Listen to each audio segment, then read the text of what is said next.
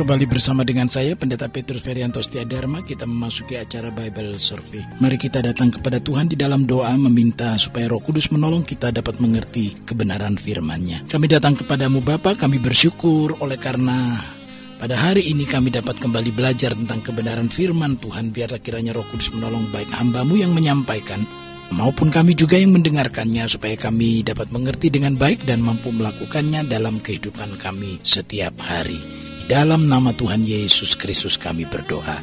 Haleluya. Amin. Pelajaran yang bersama-sama akan kita lihat di dalam firman Tuhan adalah dari kitab 2 Tawarikh pasal yang ke-14. Kitab 2 Tawarikh pasal yang ke-14 mulai dari ayat yang pertama sampai nanti kita pelajari hingga ayat yang ke-15. Sebelumnya mari kita datang ke kaki Tuhan dengan pujian berikut ini.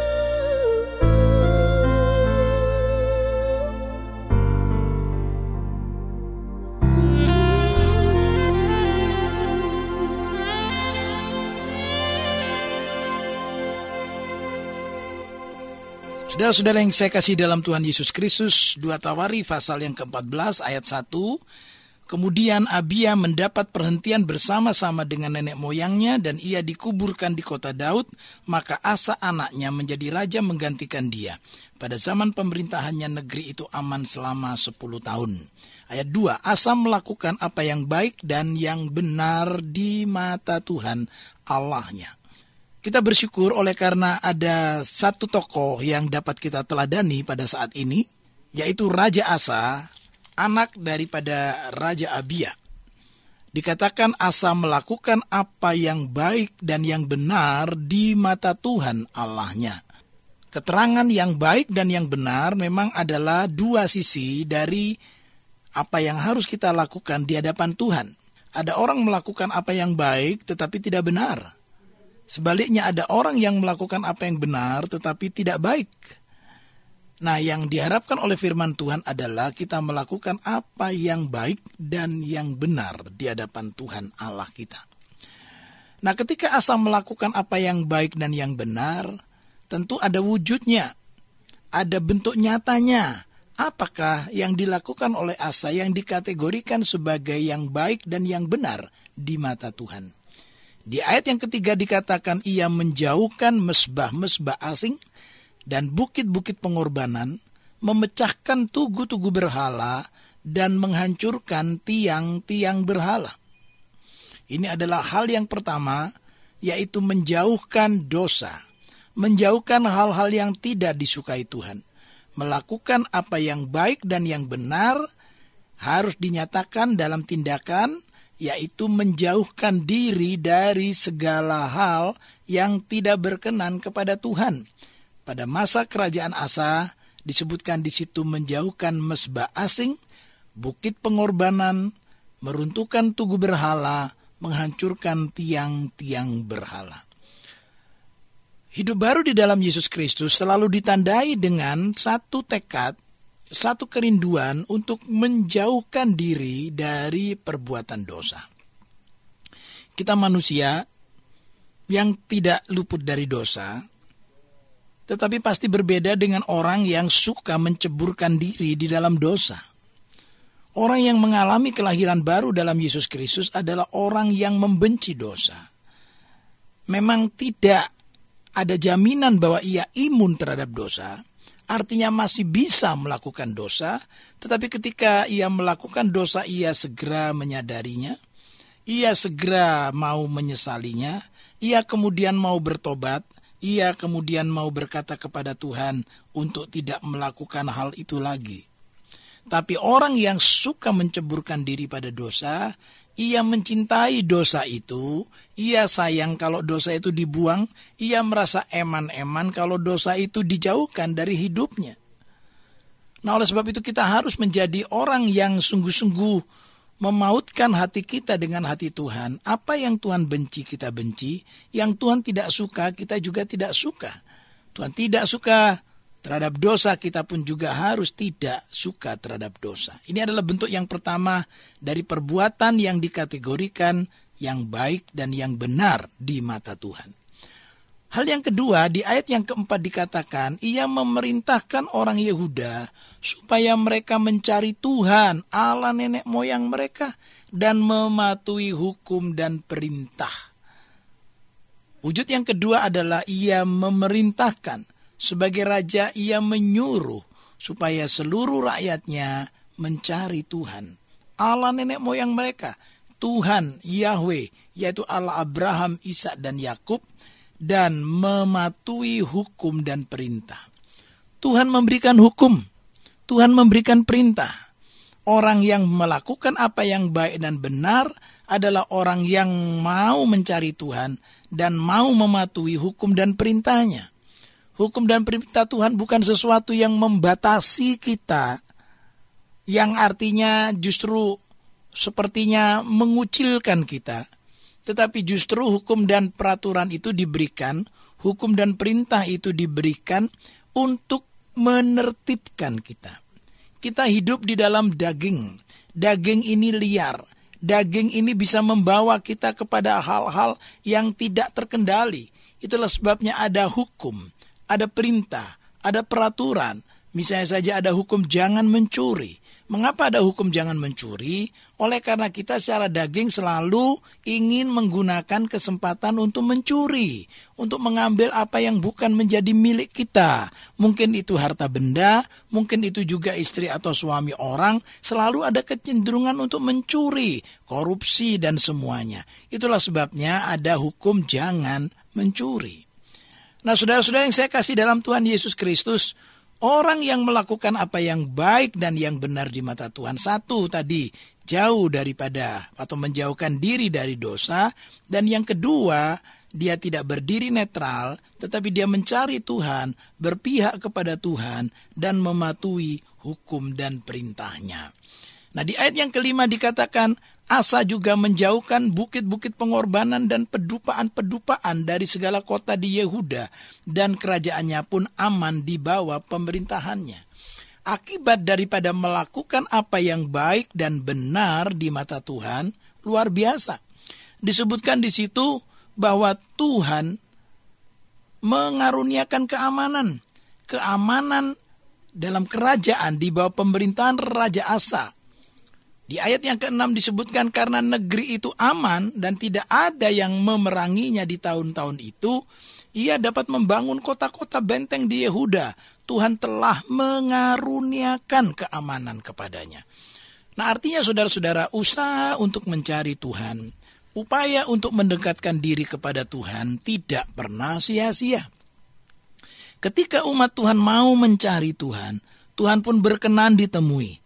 Ketika umatnya mau mematuhi hukum dan perintahnya, dampaknya adalah janji Tuhan itu digenapi. Janji Tuhan apa? Janji Tuhan menyertai. Janji Tuhan memberikan keamanan. Sehingga dikatakan ketika sungguh mereka mencari Tuhan dan Tuhan senang atas apa yang mereka lakukan, lalu Tuhan mengaruniakan keamanan kepada bangsa atau kerajaan Yehuda ini. Nah saudara-saudara yang saya kasihi dalam Tuhan Yesus Kristus, oleh sebab itu, keteladanan daripada Asa harus kita juga ikuti.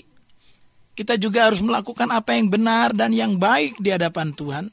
Dalam bentuk apa menjauhkan diri dari dosa. Dan kita mencari Tuhan, membangun suatu hubungan yang intim dengan Tuhan. Dan hidup di dalam ketaatan. Berhenti memberontak berhenti menentang firman Tuhan, berhenti untuk berjalan menurut pikiran kita sendiri. Mari kita jadikan firman itu sebagai terang pelita bagi kaki kita dalam hidup kita, mematuhi firmannya, mematuhi perintahnya. Dan saudara, kita semua akan mengalami penyertaan Tuhan yang luar biasa.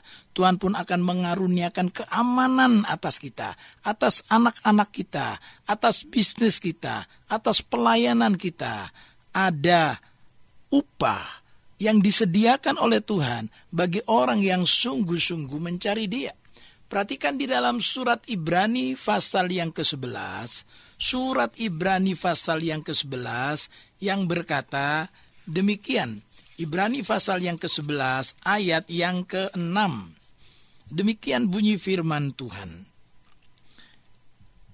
Tetapi tanpa iman tidak mungkin orang berkenan kepada Allah, sebab barang siapa berpaling kepada Allah, ia harus percaya bahwa Allah ada dan bahwa Allah memberi upah kepada orang yang sungguh-sungguh mencari Dia. Allah memberi upah, Allah memberi hadiah, Allah memberikan janjinya kepada orang-orang yang sungguh-sungguh menanti, mencari dia. Dan sebagaimana umat Tuhan pada zaman Raja Asa mencari Tuhan, maka janji dalam surat Ibrani itu pun terjadi. Dikatakan Tuhan menyediakan upah bagi mereka, yaitu keamanan atas seluruh negeri. Nah sebelum saya lanjutkan, kita dengarkan pujian berikut ini.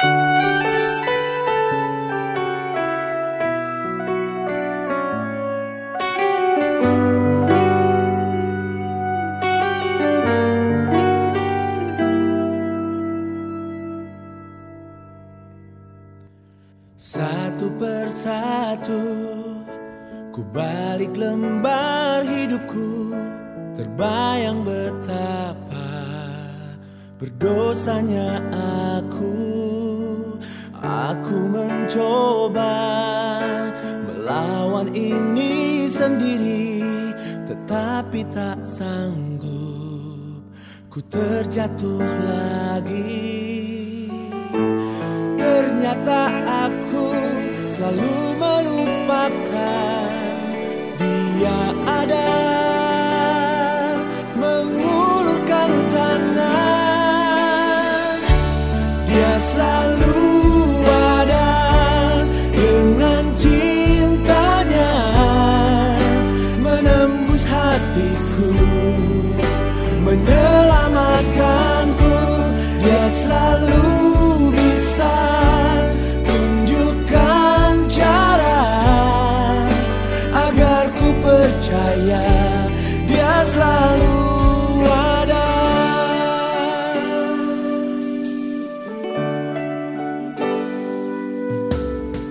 Satu persatu. Ku balik lembar hidupku Terbayang betapa Berdosanya aku. Aku mencoba Melawan ini sendiri Tetapi tak sanggup Ku terjatuh lagi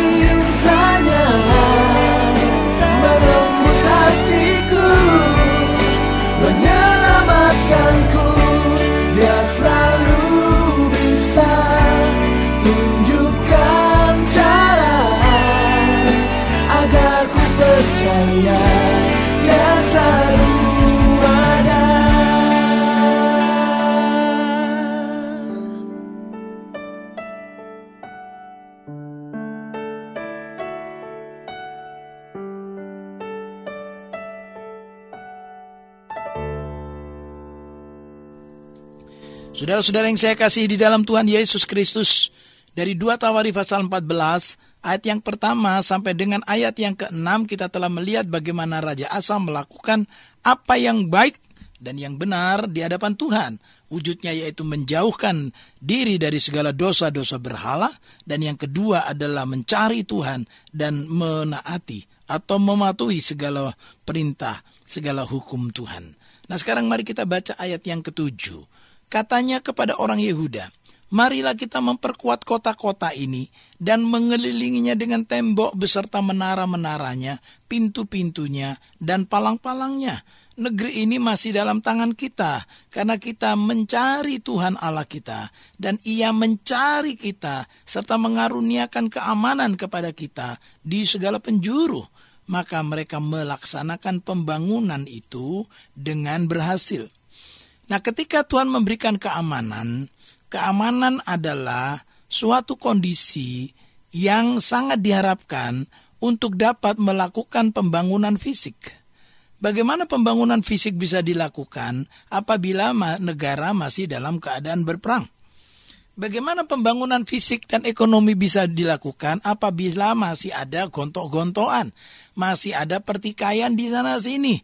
Nah, ketika semuanya aman, semuanya kondusif, kemudian saudara proyek-proyek pembangunan itu dilakukan dan dikatakan mereka melaksanakan pembangunan itu dengan berhasil.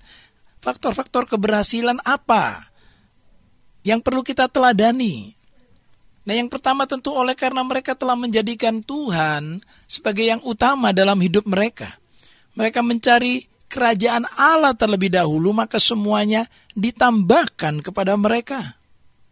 Dan faktor yang kedua adalah kesatuan di antara umat Tuhan itu sendiri, karena di mana ada kesatuan, di situ berkat Tuhan diperintahkan untuk datang.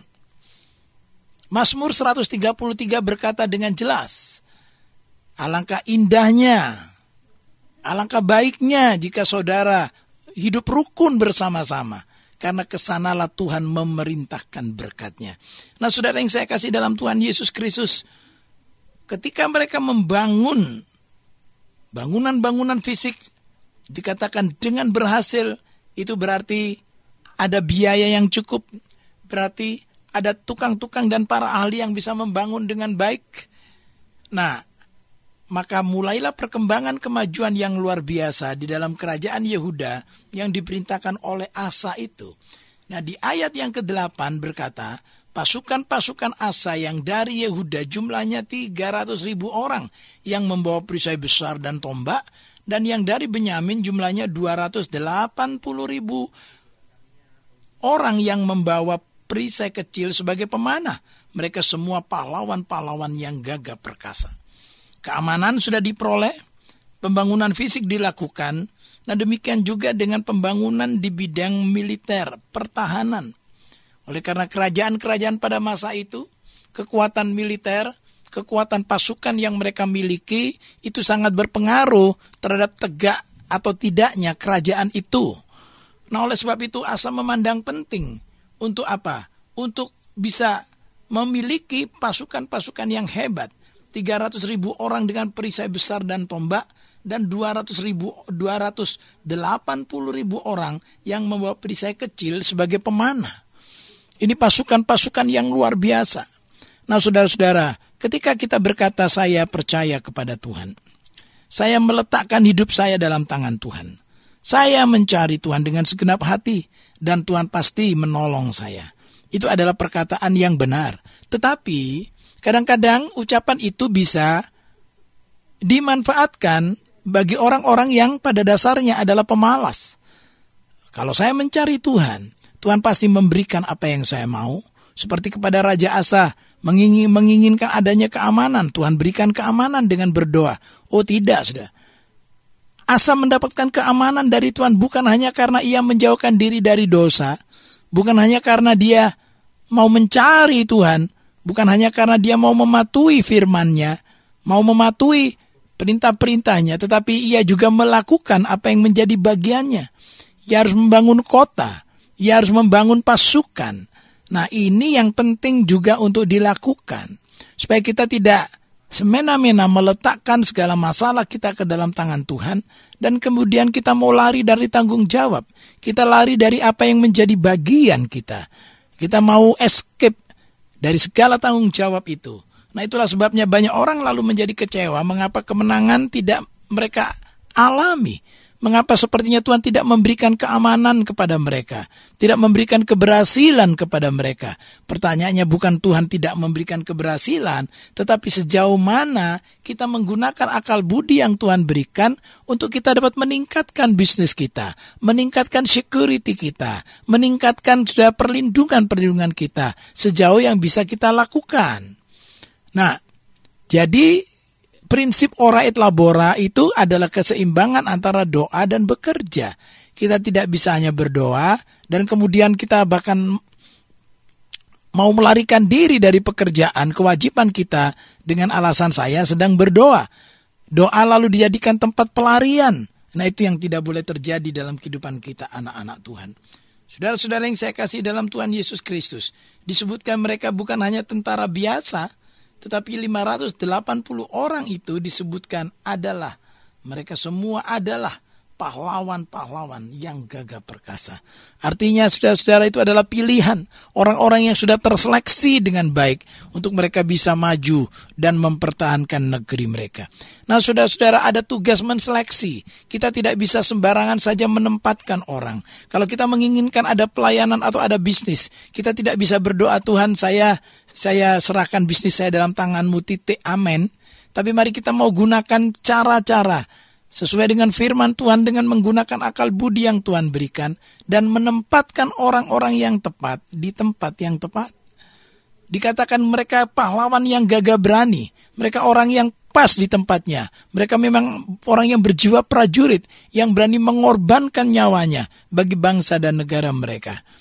Nah, mari kita juga mau merekrut orang-orang yang terbaik Nah, orang-orang yang terbaik ketika direkrut mereka memiliki hati yang begitu luar biasa dan memiliki rasa memiliki sense of belonging. Sense of belonging ini penting. Oleh karena apa? Jemaah bawahan kita, pegawai kita akan merawat semua barang-barang milik perusahaan.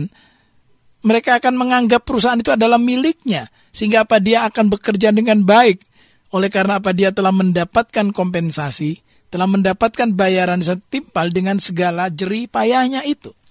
Saudara-saudara yang saya kasihi dalam Tuhan Yesus Kristus, kita lihat di sini bahwa pasukan-pasukan Raja Asa adalah pasukan-pasukan yang terdiri atas pahlawan-pahlawan yang gagah perkasa. Nah kita akan lanjutkan, tetapi sebelumnya mari kita dengarkan pujian berikutnya.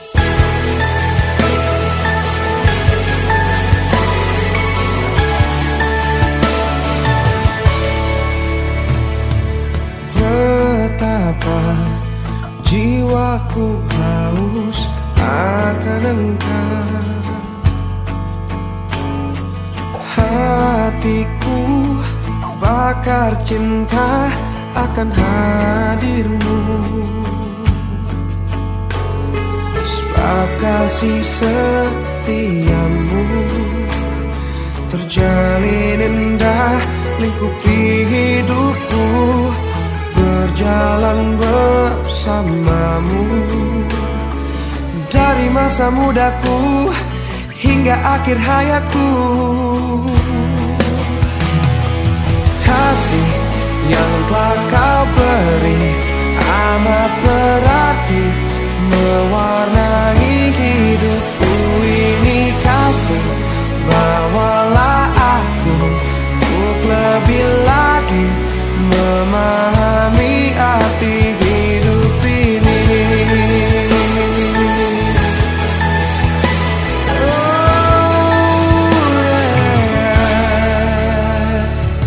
Betapa jiwaku haus akan engkau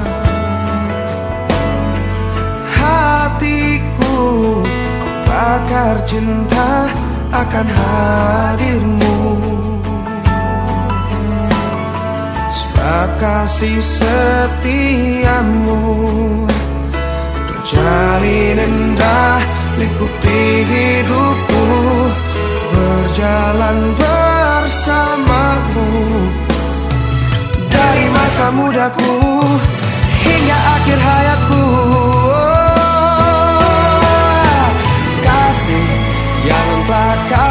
beri amat berarti mewarnai hidupku ini kasih. Bawalah aku untuk lebih lagi memahami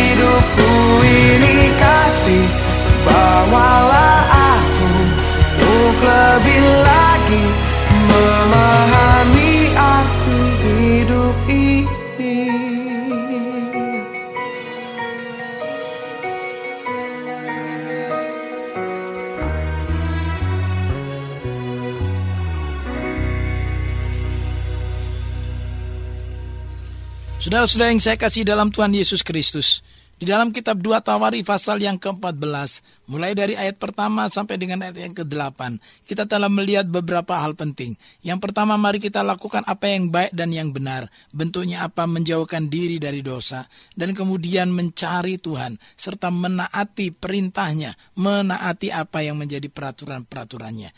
Dan yang kedua adalah bahwa ketika kita telah menyerahkan dalam tangan Tuhan, Tuhan memberikan kepada kita keamanan. Apa artinya? Artinya adalah Tuhan merestui pekerjaan tangan kita ketika kita mau melengkapi diri. Seperti halnya Raja Asa melengkapi dengan prajurit yang gagah berani, melakukan seleksi pemilihan atas orang-orang yang berbakat, orang-orang yang sungguh-sungguh mau diajak untuk berkomitmen di dalam membangun bangsa dan negara. Saudara-saudara, sekarang kita akan membaca ayat yang ke-9. Zera, orang Ethiopia itu maju berperang melawan mereka dengan tentara sebanyak sejuta orang dan 300 kereta. Ia sampai ke Maresa. Perhatikan kekuatan tentara daripada Raja Asa adalah 560 maaf 580 ribu orang 800 580 orang dan sekarang harus menghadapi musuh yang jumlahnya adalah sejuta orang. Berarti hampir satu banding dua. Sesuatu yang sangat sulit untuk bisa mencapai kemenangan. Jumlahnya jumlah orang-orang Ethiopia yang datang menyerbu satu juta orang. Dan pemimpinnya, saudara, adalah Zera. Orang yang luar biasa. Orang yang begitu gigih. Orang yang begitu militan. Sehingga ketika mau menyerbu ke Yehuda, maka dia mampu mempengaruhi sampai ada pasukan yang berjumlah sejuta orang. Nah kita lihat sekarang ayat yang ke-10. Lalu Asa maju menghadapinya. Mereka mengatur barisan perangnya di lembah Sefiata dekat Maresa. Musuh sudah datang. Tantangan sudah di depan mata. Apakah yang harus dilakukan? Dikatakan di ayat yang ke-10 tadi, lalu Asa maju menghadapinya. Mengapa maju? Tidak mungkin lari. Maka maju oleh karena Tuhan beserta kita. Mengapa maju? Oleh karena ada kepastian kemenangan. Itu yang dilakukan oleh Asa. Kita tidak bisa serta merta saya mau jadi seperti itu. Kalau saya jadi sekretaris, kalau kalau saya bisa menjadi bagian daripada pasukan-pasukan yang maju ke depan, maka adalah penting untuk membangun keberanian. Tidak bisa lari, tidak bisa menghindar, mau tidak mau harus dihadapi.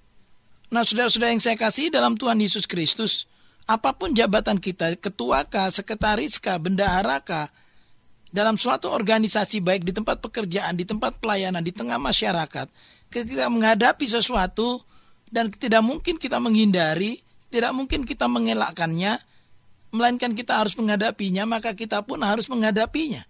Mereka mengatur barisan perangnya di lembah Zevata dekat Maresa. Asa bukan seorang yang takut. Asa bukan seorang yang pengecut. Ketika dia tahu Tuhan menyertainya. Ketika dia tahu Tuhan memberikan keamanan kepadanya. Tetapi sekarang Tuhan izinkan ada sepasukan orang Ethiopia yang berjumlah sejuta orang mendatanginya. Maka Asa pun maju menghadapinya. Nah tetapi yang menarik adalah ketika Asa menghadapinya, dia tidak menghadapinya sendiri. Ayat yang ke-11 berkata, Kemudian Asa berseru kepada Tuhan Allahnya. Ya Tuhan selain daripada engkau tidak ada yang lain. Tidak ada yang dapat menolong yang lemah terhadap yang kuat. Tolonglah kami ya Tuhan Allah kami, karena kepada mula kami bersandar, dan dengan namamu kami maju melawan pasukan yang besar jumlahnya ini ya Tuhan. Engkau Allah kami, jangan biarkan seorang manusia mempunyai kekuatan untuk melawan engkau. Asa berseru kepada Tuhan. Ia meminta supaya Tuhan menolongnya. Ia sadar bahwa tidak ada yang dapat menolong yang lemah terhadap yang kuat. Tidak ada yang dapat menolong kerajaannya menghadapi Zera orang Ethiopia. Sehingga satu-satunya jalan ia berseru kepada Tuhan. Memang ia punya 580 pasukan, 580 ribu pasukan. Tetapi apalah artinya melawan sejuta pasukan. Dia memang punya pasukan-pasukan yang terdiri dari orang-orang yang gagah berani, tetapi tetap kalah dalam jumlah, sehingga ada kemungkinan ketika dianalisa, ada kemungkinan kalah. Itulah sebabnya datang kepada Tuhan, meminta supaya Tuhan memberikan pertolongan, sehingga dengan demikian mulai muncul lagi semangat. Di ayat yang ke-40 kita melihat bahwa di ayat yang ke maaf ayat yang ke-12 kita lihat bahwa Tuhan memukul kala orang-orang Ethiopia itu di hadapan Asa dan Yehuda. Orang-orang Ethiopia itu lari. Lalu dikejar oleh Asa dan laskarnya sampai ke Gerar. Dari orang-orang Ethiopia itu amat banyak yang tewas sehingga tidak ada yang tinggal hidup karena mereka hancur di hadapan Tuhan dan tentaranya. Orang-orang Yehuda memperoleh jarahan yang sangat besar. Nah, saudara-saudara yang saya kasih dalam Tuhan Yesus Kristus, Tuhan memukul kala orang-orang Ethiopia itu. Tuhan yang berperang ganti kita. Tuhan yang mengadakan perlawanan atas musuh-musuh kita. Dan kita patut bersyukur oleh karena Tuhan telah memberikan kemenangan. Dan ketika Tuhan memberikan kemenangan dikatakan di situ Hasil daripada kemenangan adalah harta jarahan. Orang-orang Yehuda memperoleh banyak jarahan, berlimpah jarahan untuk digunakan oleh bangsa-bangsa mereka sendiri, oleh keluarga mereka. Nah, saudara-saudara yang saya kasih dalam Tuhan Yesus Kristus. Hal ini penting sekali untuk menyerahkan segala pergumulan hidup kita ke dalam tangan Tuhan. Biarlah ia yang berperang ganti kita. Biarlah ia yang ada di depan kita bukan dengan kuat dan gagah kita sendiri, bukan dengan kemampuan kita sendiri, tetapi oleh pertolongannya, oleh kemampuan Tuhan. Nah mari sekarang kita lanjutkan dengan ayat yang ke-14. Mereka mengalahkan semua kota di sekeliling Gerar karena ketakutan yang dari Tuhan menimpa penduduknya. Mereka menjarahi semua kota itu karena jarahan yang besar terdapat di situ tanda maaf tenda-tenda pemilik ternak pun direbut mereka dan banyak kambing domba dan unta diangkatnya sebagai jarahan lalu mereka kembali ke Yerusalem. Dikatakan bahwa ketika mereka telah berhasil menang terhadap orang-orang Ethiopia, tidak cukup sampai di situ dikatakan mereka juga mengalahkan semua kota di sekeliling Gerar. Kota-kota lain juga mereka serbu. Karena apa? Karena muncul ketakutan yang dari Tuhan menimpa penduduknya. Sehingga dengan mudah mereka dapat menaklukkan kota-kota itu. Mereka dapat meluaskan daerah kerajaan mereka. Sehingga lalu mereka dapat memperoleh berkat-berkat Tuhan. Jarahan yang melimpah. Nah saudara-saudara yang saya kasihi dalam Tuhan Yesus Kristus, ini penting sekali. Oleh karena dalam hidup ini tidak mungkin lepas dari tantangan. Ada tantangan, ada pergumulan. Yang pertama adalah hadapi. Jangan lari, jangan menghindar, hadapi adanya tantangan itu. Tetapi dengan keyakinan bahwa Tuhan tidak akan meninggalkan kita. Jangan hadapi dengan keyakinan akan kemampuan diri sendiri. Jangan hadapi oleh karena kita merasa bisa, tapi hadapi karena kita yakin kemampuan Tuhan akan dicurahkan atas kita sehingga kita mampu dan mampu dan nama Tuhan yang dipermuliakan. Sudah-sudah yang saya kasih dalam Tuhan Yesus Kristus. Tuhan tidak hanya memberikan kemenangan kepada asa atas Ethiopia tetapi juga atas bangsa-bangsa atau kota-kota di dekat Gerar. Artinya, ketika kita meminta sesuatu, Tuhan bisa memberi lebih. Ketika kita meminta dua, Tuhan bisa memberi empat. Ketika kita meminta empat, Tuhan bisa memberi delapan. Sehingga benarlah apa yang Rasul Paulus katakan bahwa Tuhan bisa memberi lebih daripada yang dapat kita pikirkan dan doakan. Tuhan mampu menyediakan bagi kita sesuatu yang lebih dari yang kita pikirkan dan doakan. Sungguh dia adalah Bapa yang baik. Nah dari sini kita tidak perlu khawatir. Kita punya kebutuhan. Kita punya saudara-saudara yang namanya itu pergumulan-pergumulan ke depan. Tetapi penyertaan Tuhan itu luar biasa. Dan ia bisa memberikan tanda petik jarahan atas kita. Ia bisa memberikan kepada kita kemenangan yang luar biasa. Sehingga kemenangan ini membuat kita memiliki satu percaya diri yang luar biasa untuk tetap mengikut Tuhan. Dan saudara-saudara ini yang penting sekali adalah bahwa Kemenangan itu tetap tidak mengubah kerendahan hati kita di hadapan Tuhan. Bahwa kemenangan diperoleh bukan karena kuat dan gagah kita sendiri, melainkan karena pertolongan daripada Tuhan. Kita bisa memperoleh segala harta benda bukan karena kemampuan kita, tapi itu anugerah Tuhan. Tuhan memberikan kita nafas, Tuhan memberikan kita akal budi sehingga kita bisa bekerja dengan baik. Nah, ketika kita punya pergumulan, kita serahkan pada Tuhan, tetapi tidak lalu kemudian kita ongkang-ongkang saja. Kita serahkan pada tangan Tuhan, tetapi kemudian kita melakukan apa yang menjadi bagian kita, apa yang menjadi tanggung jawab kita. Asa adalah satu teladan yang luar biasa. Dia adalah orang yang melakukan apa yang baik dan benar di hadapan Tuhan. Ia menjauhkan diri dari dosa. Ia menyuruh orang Yehuda untuk mencari Tuhan, untuk mematuhi segala perintah dan hukumnya. Dan kemudian ia membangun kota-kota. Ia membangun pasukan-pasukan yang kuat. Tetapi sekalipun dia lihat bahwa itu sudah cukup kuat, tapi ketika musuh datang, ia tetap mengandalkan Tuhan. Bukan mengandalkan kepada pasukannya.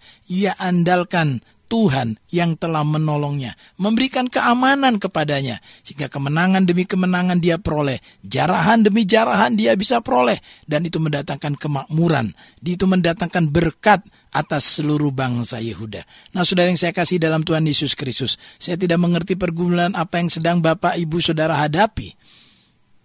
Tetapi marilah kita tetap mau melakukan apa yang benar dan baik di hadapan Tuhan. Kita mau berhenti berbuat dosa. Kita mau menjauhkan diri dari dosa. Kita juga mau menginspirasi orang lain untuk mencari Tuhan. Kita mau menginspirasi orang lain, memengaruhi orang lain, mengajak orang lain untuk hidup dalam ketaatan. Dan kita akan terus membangun, membangun, membangun apa yang menjadi bagian kita sesuai profesi kita masing-masing. Tapi membangun di dalam penyertaan Tuhan. Bukan membangun sesuatu untuk melawan Tuhan, untuk menentang Tuhan. Tetapi untuk bisa digunakan menjadi berkat bagi banyak orang. Nah, biar kiranya kita semua yang belajar dari dua raja-raja uh, dua tawarik pasal yang pertama sampai dengan pasal yang ke-15 pada saat ini kita diterangi oleh firman Tuhan bahwa hidup berkemenangan adalah sesuatu yang niscaya, sesuatu yang pasti dan kemenangan itu mendatangkan kemuliaan bagi nama Tuhan. Mari kita berdoa. Terima kasih Bapak kami bersyukur oleh karena kemenangan telah kau beri kepada Raja Asa. Kami juga percaya Tuhan berikan kepada kami supaya kemenangan yang kami peroleh semakin membuat kami setia kepada Tuhan. Kemenangan yang kami peroleh semakin membuat kami memberitakan tentang kebaikan Tuhan dan banyak jiwa dimenangkan. Di dalam nama Tuhan Yesus Kristus kami berdoa. Haleluya. Mungkin Tuhan tak sedang meletakkanku di atas rumput hijau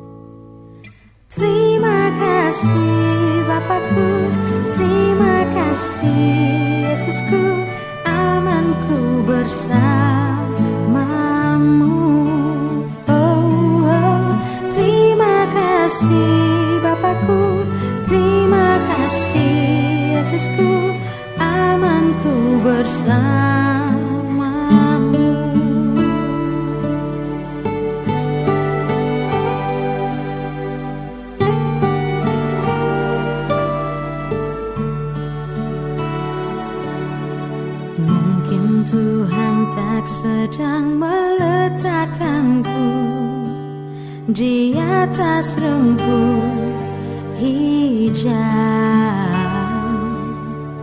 Ataupun membimbingku ke air tenang menyegarkan jiwaku.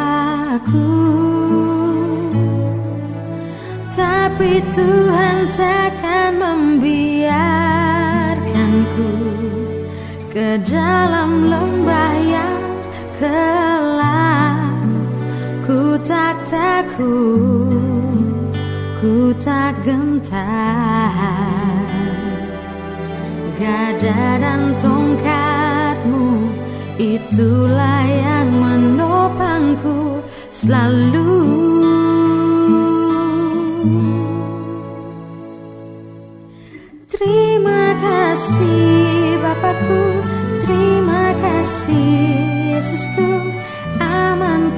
bersamamu. Oh, oh. Terima kasih Bapakku. Terima kasih Yesusku. Amanku bersamamu